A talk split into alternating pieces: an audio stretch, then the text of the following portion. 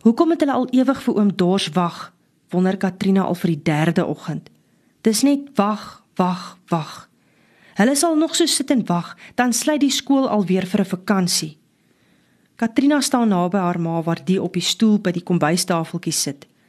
Hester staan in die agterdeur en kyk buitentoe asof daar iets in die beknopte agterplaasie te sien is. Jopie sit op die ander kombuisstoel en speel met 'n leë garing tolletjie asof dit 'n trekker is. Ons moet vir oom Dors wag. Hy het gesê die man by wie hy gewerk het skuld hom geld en hy's weg om sy geld te gaan haal. En maar glo hom, sê Esther vir die buitetoilet in die agterplase buitemuur. Ek wil ook graag hê julle moet skool toe gaan.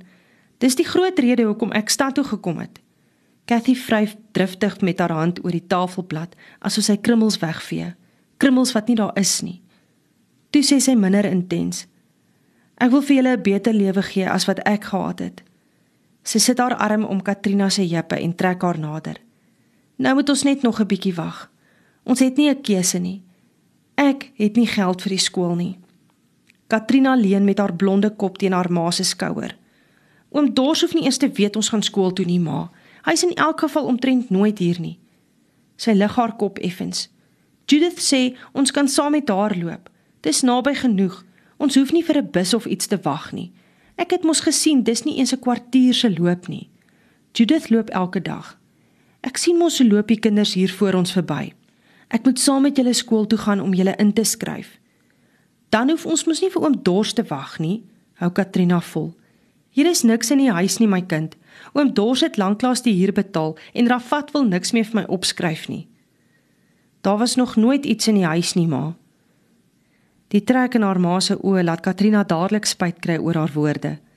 Veral toe haar ma nie antwoord nie, net weer met haar hand oor die kombuistafel vee asof daar iets op die leetafel kan wees. Toe sug haar ma en laat haar kop sak. Ek is jammer ma, ek het dit nie so bedoel nie. Dis ek wat moet jammer wees. Dis waar. Daar was nog nooit iets in ons huis nie. Ek het gereken ons sal saam met oom Dors beter daaraan toe wees. Sy bly 'n rukkie stil en vee met die agterkant van haar hand oor haar oë. Ek was verkeerd. Ek sal wag totdat oom Dors weer terug is, sê Katrina en raak aan haar ma se skouer. Nee. Katrina ken haar ma as sy die slag haar lippe dun trek en opstaan. Julle moet al drie sorg dat julle gewas kom. Daar's nou wel nie warm water nie, maar nie een van ons het nog ooit iets van die koue water oorgekom nie. Julle moet was. Ons moet skoon wees wanneer ons by die skool aankom. Hester, jy en Katrina moet eers loop was. Julle rokke is skoon. Ek gaan net gou vir Judith sê sy moet vir ons wag. Katrina is al by die deur uit. Hoekom? vra Hester. Sy ken die pad en sy ken die skool, hoor hulle Katrina by die voordeur sê. Judith staan al op die sypaadjie en wag toe Cathy en die drie duisels by hulle voordeur uitkom. Kom, beveel Judith asof sy 'n troppie balhorige tollies bymekaar maak. Jy doen die regte ding, Cathy, roep Judy van haar deel van die stoep af. Ons Afrikaner kinders moet geleerd kom. Dis al manier. Sy staan met haar linker elmboog in die palm van haar regterhand, die sigaret tussen haar geelerige wys en voorvinger.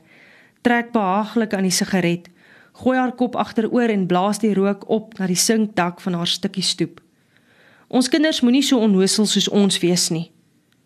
Ons gaan net hoor wat sê die skool, antwoord Cathy ongemaklik. Ek kan nie vir altyd vir Dors wag nie. Jy wag vir net vir ou Ferreira. Hy slaap seker iewers ter sy babbelas af. Wat is babbelas? vra Jopie. Ek weet nie, sê Cathy en loop met haar drie kinders agter kaptein Judith aan. Ons is amper laat, sê Judith by die skoolhek. Antie hulle moet daar by daai deur inloop en Antie moet vir die Antie by die toonbank sê Antie het die kinders kom inskryf. Moenie vir Antie Mina skrik nie. Sy lyk net so ongeskik, maar eintlik is sy alright. Soos haal op 'n sinkdak kletter Judith se woorde sonder ophou. Die kinders is al in die saal. 'n Lang man met swart hare en 'n donker pak en 'n bril kom by die portaal se deur uit en loop saal toe sonder om te groet. "Môre meneer," groet Judith luidrigtig, maar die hoof is klare end weg. "Dis meneer Grobler, die hoof. Ek moet hol."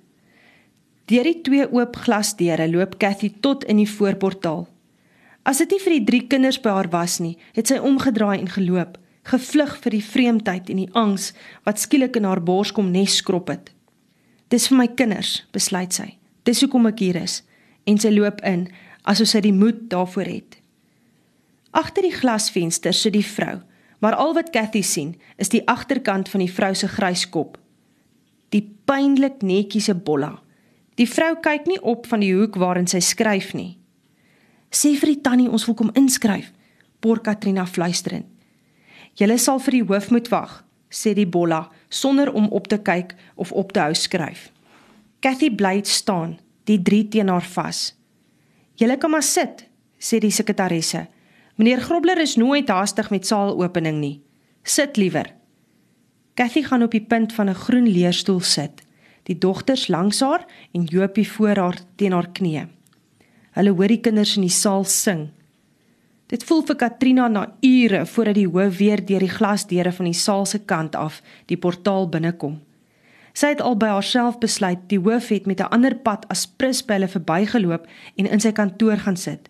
Miskien wil hy hulle nie in sy skool hê nie. Maar nou kom die lang man van die saal se kant af in.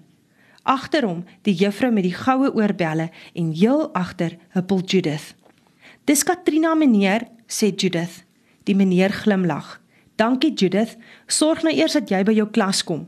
Goeiemôre mevrou en hy steek sy hand na haar ma toe uit. Ek hoor die drietjies wil skool toe kom. Haar ma staan uit die stoel uit op. As hulle mag meneer, hoor Katrina haar sê. Die meneer lag. Hulle mag nie mevrou, hulle moet. Juffrou van Jaarsveld het reeds vir my die agtergrond gegee. En watter standaard is jy? vra hy direk vir Hester. Ek was al klaar in standaard maar die hoërskool was in die dorp. Dit was te ver. En jy my boet? Die meneer sak af op sy herke voor Jopie. Ek was nog nie in die skool nie, oom, sê Jopie vinnig. En jy moet Katrina wees, Judith se maatjie. Ek was laas jaar in standaard 4. Juffrou, praat die meneer met die mooi juffrou. Neem die dogters na meneer Botha se klas toe en die mannetjie vat jy verlopig in jou klas. Ons sal hulle toets en kyk waar ons hulle moet plaas. Mevrou, sê hy vir haar ma. "U kom saam met my dat ons die administratiewe sake kan bespreek." Katrina voel hoe haar hart in haar keel hamer toe juffrou van Jaarsveld aan die eerste klaskamer op die stoep klop. "Meneer Botha se klas," fluister juffrou. "Standaard 5." Dit is 'n ouerige grys onnie wat die deur van binne af oopmaak. Dit voel vir Katrina of haar kniekoppe bewe. Die onderwyser is nie vriendelik of onvriendelik nie. Hy kyk net na die juffrou asof hy wag dat sy verduidelik wat nou hier aangaan twee nuwelinge vir u, sê juffrou. En sy en Jopie loop verder in die gang af. Kom in, sê meneer Botha vir hulle. Sit jy hier, wys hy vir Hester 'n plek voor in die klas. En jy? Maar voordat hy kan wys waar, hoor Katrina Judith se stem agter uit die klas. Katrina kan langs my sit, meneer. Sy's my maatjie. En jou naam? vra meneer vir Hester, maar Hester fluister so sag dat hy weer moet vra. Katrina skuif langs Judith in die bank in. "Haai," groet Judith en lag. Dit is hoe Katrina in standaard 5 gekom het. Hester het hulle vir haar ma gesê, "Moet hoërskool toe gaan. Meneer sal reël en vir hulle laat weet." In die skool in standaard 5 in meneer Botha se klas.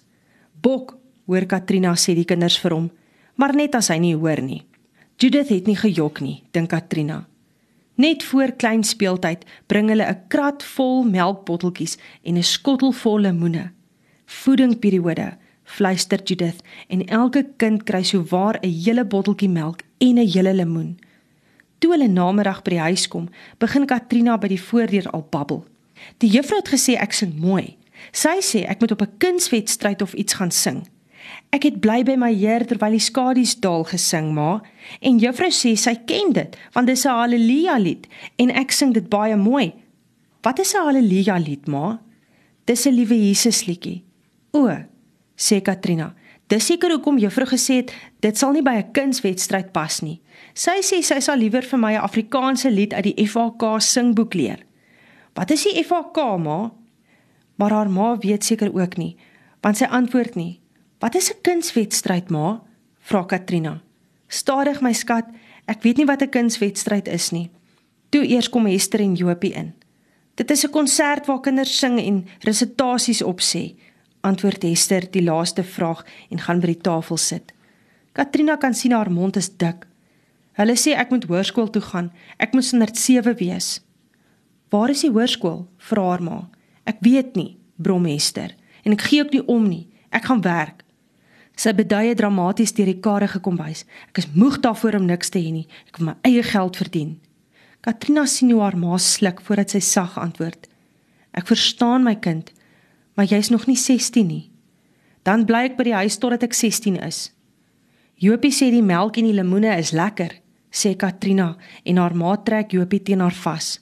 Vertel meer van die sing, sê haar ma en kyk vir Katrina. Judith het gesê dit is die sangperiode.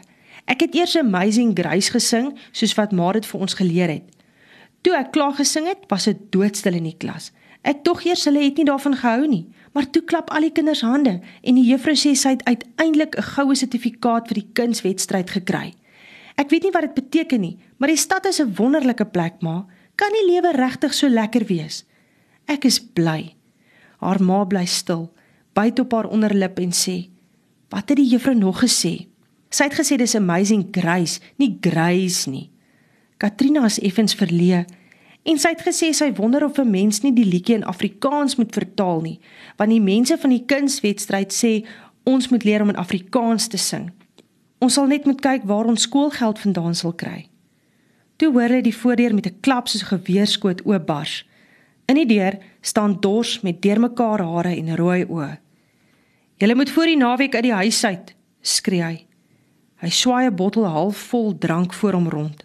Hy snork en val skeef op die kombuisstoel neer. Ek het die huise hier by ou Karel Petoors geruil vir 'n hele bottel brandewyn. Hy sit die bottel voor sy mond. Hoor julle my?